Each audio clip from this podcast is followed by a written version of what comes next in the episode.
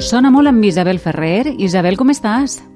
Hola, bona vesprada. Molt bé. Bona vesprada. Bé, ben alegre. Mira, eh, ahir parlar... Avui és dimarts, no? Sí, per la noció del temps, molt a sovint. Avui és dimarts, fantàstic, per això estàs així. Sí. ahir parlarem amb, amb Juanjo Prats, però des d'un punt de vista eh, més de, de la part teatralitzada, no?, del teatre de Carnestoltes. Perquè, de fet, la setmana passada, si, si no haguem estat en situació de pandèmia, clar, s'haguera celebrat en molts llocs el Carnaval i en música avui també aprofundim en això, no?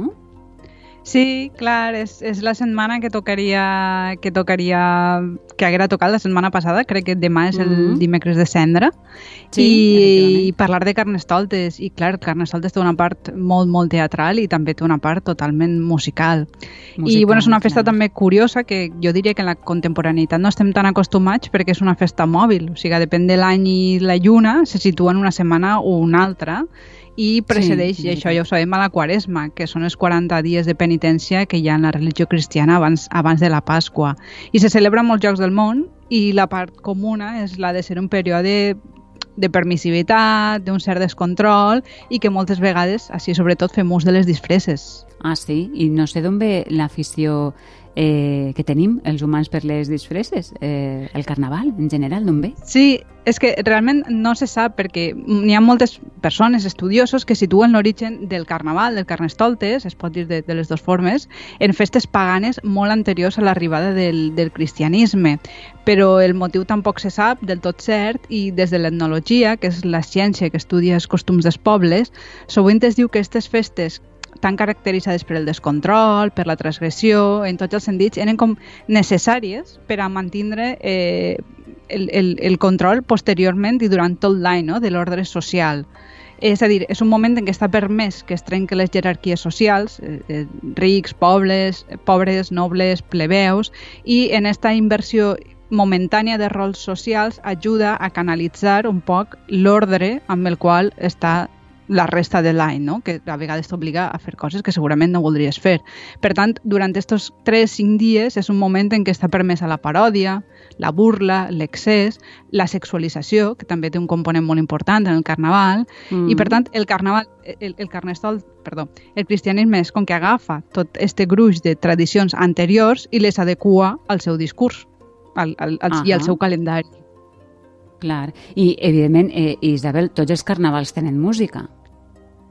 Sí, almenys en la nostra cultura sí, perquè és molt important, per exemple, per a poder ballar i també, després en parlarem, per a cantar, eh, que, que avui també és un tema d'actualitat, però en resum el Carnestoltes, la música és un dels ingredients principals, junt amb, amb les disfresses, amb les caracteritzacions, amb aquesta te te teatralització, que suposa que parlareu ahir, i també amb altres substàncies estimulants, com podria ser la més, la més comuna sí que és l'alcohol. Mm, efectivament. Doncs vinga, va, tornem un poc arrere en el temps. Com eren els carnavals d'abans? Quina música hi havia? El carnaval i la, i la seva música ha anat canviant en funció del moment històric, però en general era una festa de carrer eh, en què la, la gent prenia això dels carrers, eh, es tiraven tot, tot el món al carrer, i això ho sabem sobretot, no tant perquè ens ho expliquen, perquè és una cosa que tot el món tenia molt assumida, sinó per les prohibicions.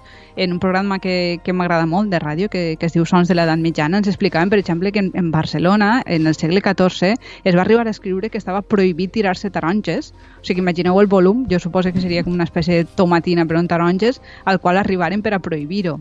El problema és que, clar, tot aquest descontrol, al final de l'edat mitjana, quan les ciutats comencen a fer-se grans i més poblades, comença a fer-se un poc ingovernable i les autoritats comencen a preocupar-se. I, per tant, comencen a guanyar terreny a altres fórmules, com serien, per exemple, ah. les desfilades. Les músiques un poc van adaptant-se a tot això, però tampoc no tenim un rastre molt gran de com eren les músiques, però en alguns llocs sí que s'han conservat. I, per exemple, s'han conservat en, en alguns llocs, com per exemple Florència, que sembla ser mm. que hi havia com un tipus de peces que eren interpretades per homes disfressats i que sobre elles, com que s'anaven com improvisant temes socials, d'actualitat, que funcionaven per tradició oral. Com ens ha arribat això? Doncs perquè hi va haver algun noble que en algun moment va decidir recopilar-les i gràcies a això les podem escoltar com ara la que sentirem.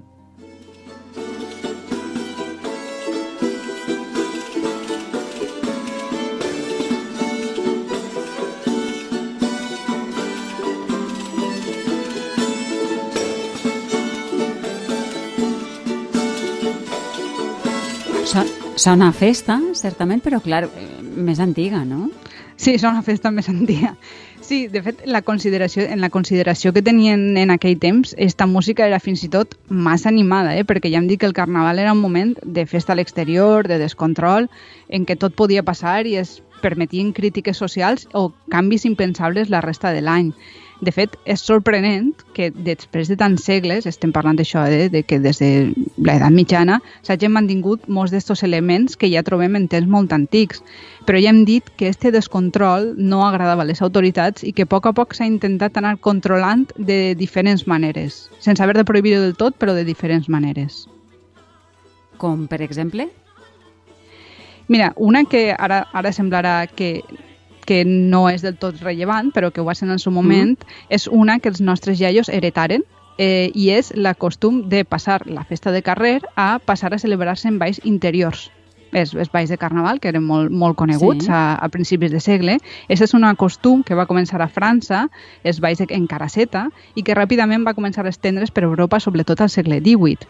I ja he dit que això, no? que al contrari que les, les festes anteriors, eh, que eren molt de carrer, aquestes són en llocs interiors i, per tant, eren llocs que serien com una espècie de baix de societat on tu pagaves una entrada i s'hi podia accedir.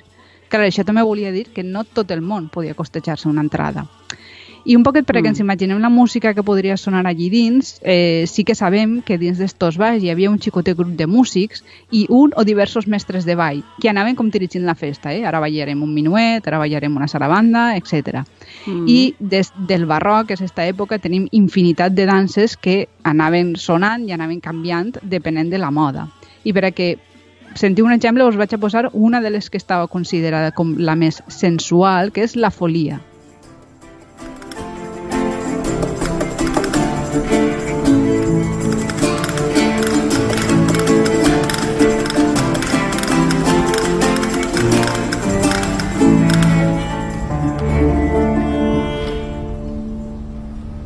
Explica'ns, Isabel, un poc el funcionament d'estos balls. Doncs eh, tenim, eh, ja et dic, documents que, que expliquen molt bé com, com explicaven, sobretot a partir de la prohibició, no tant del que es pot fer, sinó del que no es sí. pot fer, no? Aleshores, uh -huh. eh, per exemple, en tenim alguns a València de finals del segle XVIII i ens expliquen, per exemple, que en estos balls no podien entrar-hi xiquets, estava, estava prohibit. També mm -hmm. s'indicava on, perquè imagineu també un poc el nivell econòmic que tenien les persones que anaven, dels que coneixem, eh, dels que la gent segurament més popular no es coneixem tant, però t'indicaven dins de l'edifici per quin carrer havies d'accedir amb el teu carruatge i on, a quina plaça havia d'anar-se'n els teus criats o els teus esclaus, que també n'hi havien, a aparcar el teu, el, el teu carruatge fins que tu eixires del ball. Això per uh -huh. accedir, no? Durant el trajecte fins a l'arribada de l'edifici no es podia anar en la caraceta tapada, eh, en, la, en, en la caraceta posada, o sigui, per el carrer no podies uh -huh. anar en la cara tapada. Mm, sí. Més encara, era obligatori que la disfressa fora d'un personatge del mateix sexe que la persona que hi havia baix. Per tant, no podies anar ah. disfressat de dona, sí. Això és perquè hi havia algunes, alguns pobles que, que, mm. que per Santa Àgueda, que és, que és al voltant de Sant Blai, aquestes aquestes dates al principi de febrer on s'invertien sí. els rols. Estava permès que les dones agafaren tot el control que normalment tenien els homes. Aleshores, bé, era un tema de, de control social, normalment. Després tampoc podies anar en aquesta línia disfressat de persona religiosa ni de jutge, podia considerar-se una ofensa o també portar lloc a, a confusions, no? Un altre que ens mm. sonarà molt i que, quan, que és que no es podia fumar dins del ball per ser perillós i s'havia de fumar Clar. en una sala especial on només podien entrar els homes, les dones no podien entrar. I bueno, hi més fórmules de control, que hi havia dos directors, més personal vigilant, més mestres de ball, o sigui, realment Caram. era com tota una infraestructura de festa molt, molt sí, pautada. Sí, sí, sí. Bé, estaven molt detallades, no? Sí, realment, això és la tendència pràcticament fins als nostres dies perquè d'estos baix públics els organitzaven els cens eh, governamentals i d'este model organitzats de baix públics passem un poc quan naixen els casinos, els ateneus, cadascun comença este tipus de societat, d'associació, a organitzar el seu propi ball. De forma que encara vulguis o no, indirectament està més controlat perquè els socis de, de cada casino entraven de bades. Aleshores, si tu eres soci del casino liberal, anaves al casino liberal. Si eres soci del conservador, anaves al conservador. De forma que encara reduïa més les possibilitats de descontrol perquè era més difícil que es mesclara gent de diferent classe o d'ideologia.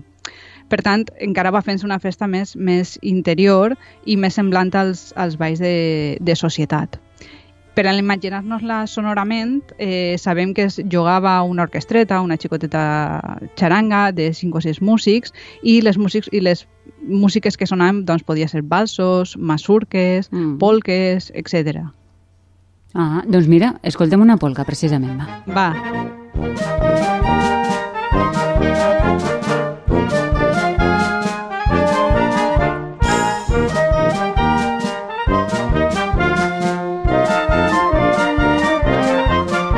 Sí, això és una polca del grup La Romàntica mm -hmm. Saladar, amb, com comentava, una instrumentació molt propera al que sonaria al final del Deno. Això, que eren cinc o sis músics, un ball, algo de sí. percussió, un poc de vent i, i poc més. Eh? En això ja feien... No, no necessitem més infraestructura.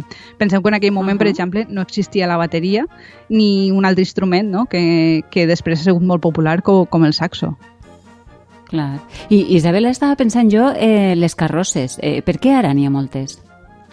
Les carrosses es van incorporar sobretot a finals del segle XIX en un procés que dèiem anteriorment. No? Es va instaurar també un sistema de premis que això encara em, feia més inaccessible, segons per aquí, muntar una carrossa. I també en un altre procés que era fer carnavals infantils, no? que eixiren els xiquets disfressats, que era una cosa que ja he dit que abans no, no tenia lloc. Aquesta infantilització el que feia era llevar-li més transgressió a la festa, fer-la com més aparentment més civilitzada eh, a qual cosa també ens demostra, per tots els escrits que diuen que cal civilitzar la festa, que abans devia de ser molt descontrolada. Efectivament. Eh, així i tot, eh, eh, podríem dir que el carnaval encara té un poc de part divertida, un poc o molt, i, i transgressora, no? Sí, clar, una cosa era el que deien les autoritats, si tu tots els anys fas decrets prohibint coses és perquè continuen fent-se. I una altra clar. això que faria la gent, no? Eh, segurament els estrats populars farien molt més el, el bandarra i tampoc sabem dins dels balls de, que, que, es, que es feia. També sabem que en àmbit popular, en molts pobles, hi havia una cosa que s'anomenaven murgues, que igualment com les que hi ha ara, eren un grup normalment d'homes que inventaven lletres satíriques i iròniques sobre les persones, la política, l'actualitat, i que es cantaven en aquestes dates de, de carnaval. Com molt semblant a les xirigotes de Cádiz, no? Sí, és, és un fenomen que, que té lloc en alguns punts del, de l'àrea mediterrània i en altres llocs de, de la península i que no és exclusiu del carnaval i que és a través del cant i de les cançons, moltes d'elles improvisades, es pot fer una crítica social de, de, de forma que no és possible d'una altra manera i amb això també en, enllacem totalment a l'actualitat amb, amb la detenció totalment injusta de, de Pablo Hassel, també per cantar, però ja veiem que és, realment mm. és, és una tradició que ve de molt enrere i el Carnaval oferia un marc perfecte per a aquest tipus de crítica que era on tenien lloc les, les murgues. Uh -huh. Ara estem parlant, Isabel, del Carnaval, un ambient més proper, no? Però i en la resta del món? El Carnaval se celebra en moltes parts del món, tot i que eh, en la majoria de casos s'inscriu en el catolicisme, però ja he dit que s'adapta totalment a la idiosincràsia del lloc. Per exemple, eh, n'hi ha carnavals molt famosos com els de Rio, però un altre dels carnavals molt important que té lloc a, a, és el que té lloc a l'Uruguai, entorn d'una tradició que s'anomena del candombe. El candombe són unes danses públiques que es ballaven originàriament els, els esclaus que havien portat de l'Àfrica a Amèrica Llatina. En principi mm -hmm. se celebraven en altres moments del calendari, del calendari litúrgic, però avui en dia la pràctica s'ha anat concentrant en les desfilades de, de carnaval, on pràcticament, i, i el candombe ha arribat a ser pràcticament com la música nacional d'aquell país, i ja veureu que sona molt diferent a, a la música que hem posat eh, avui.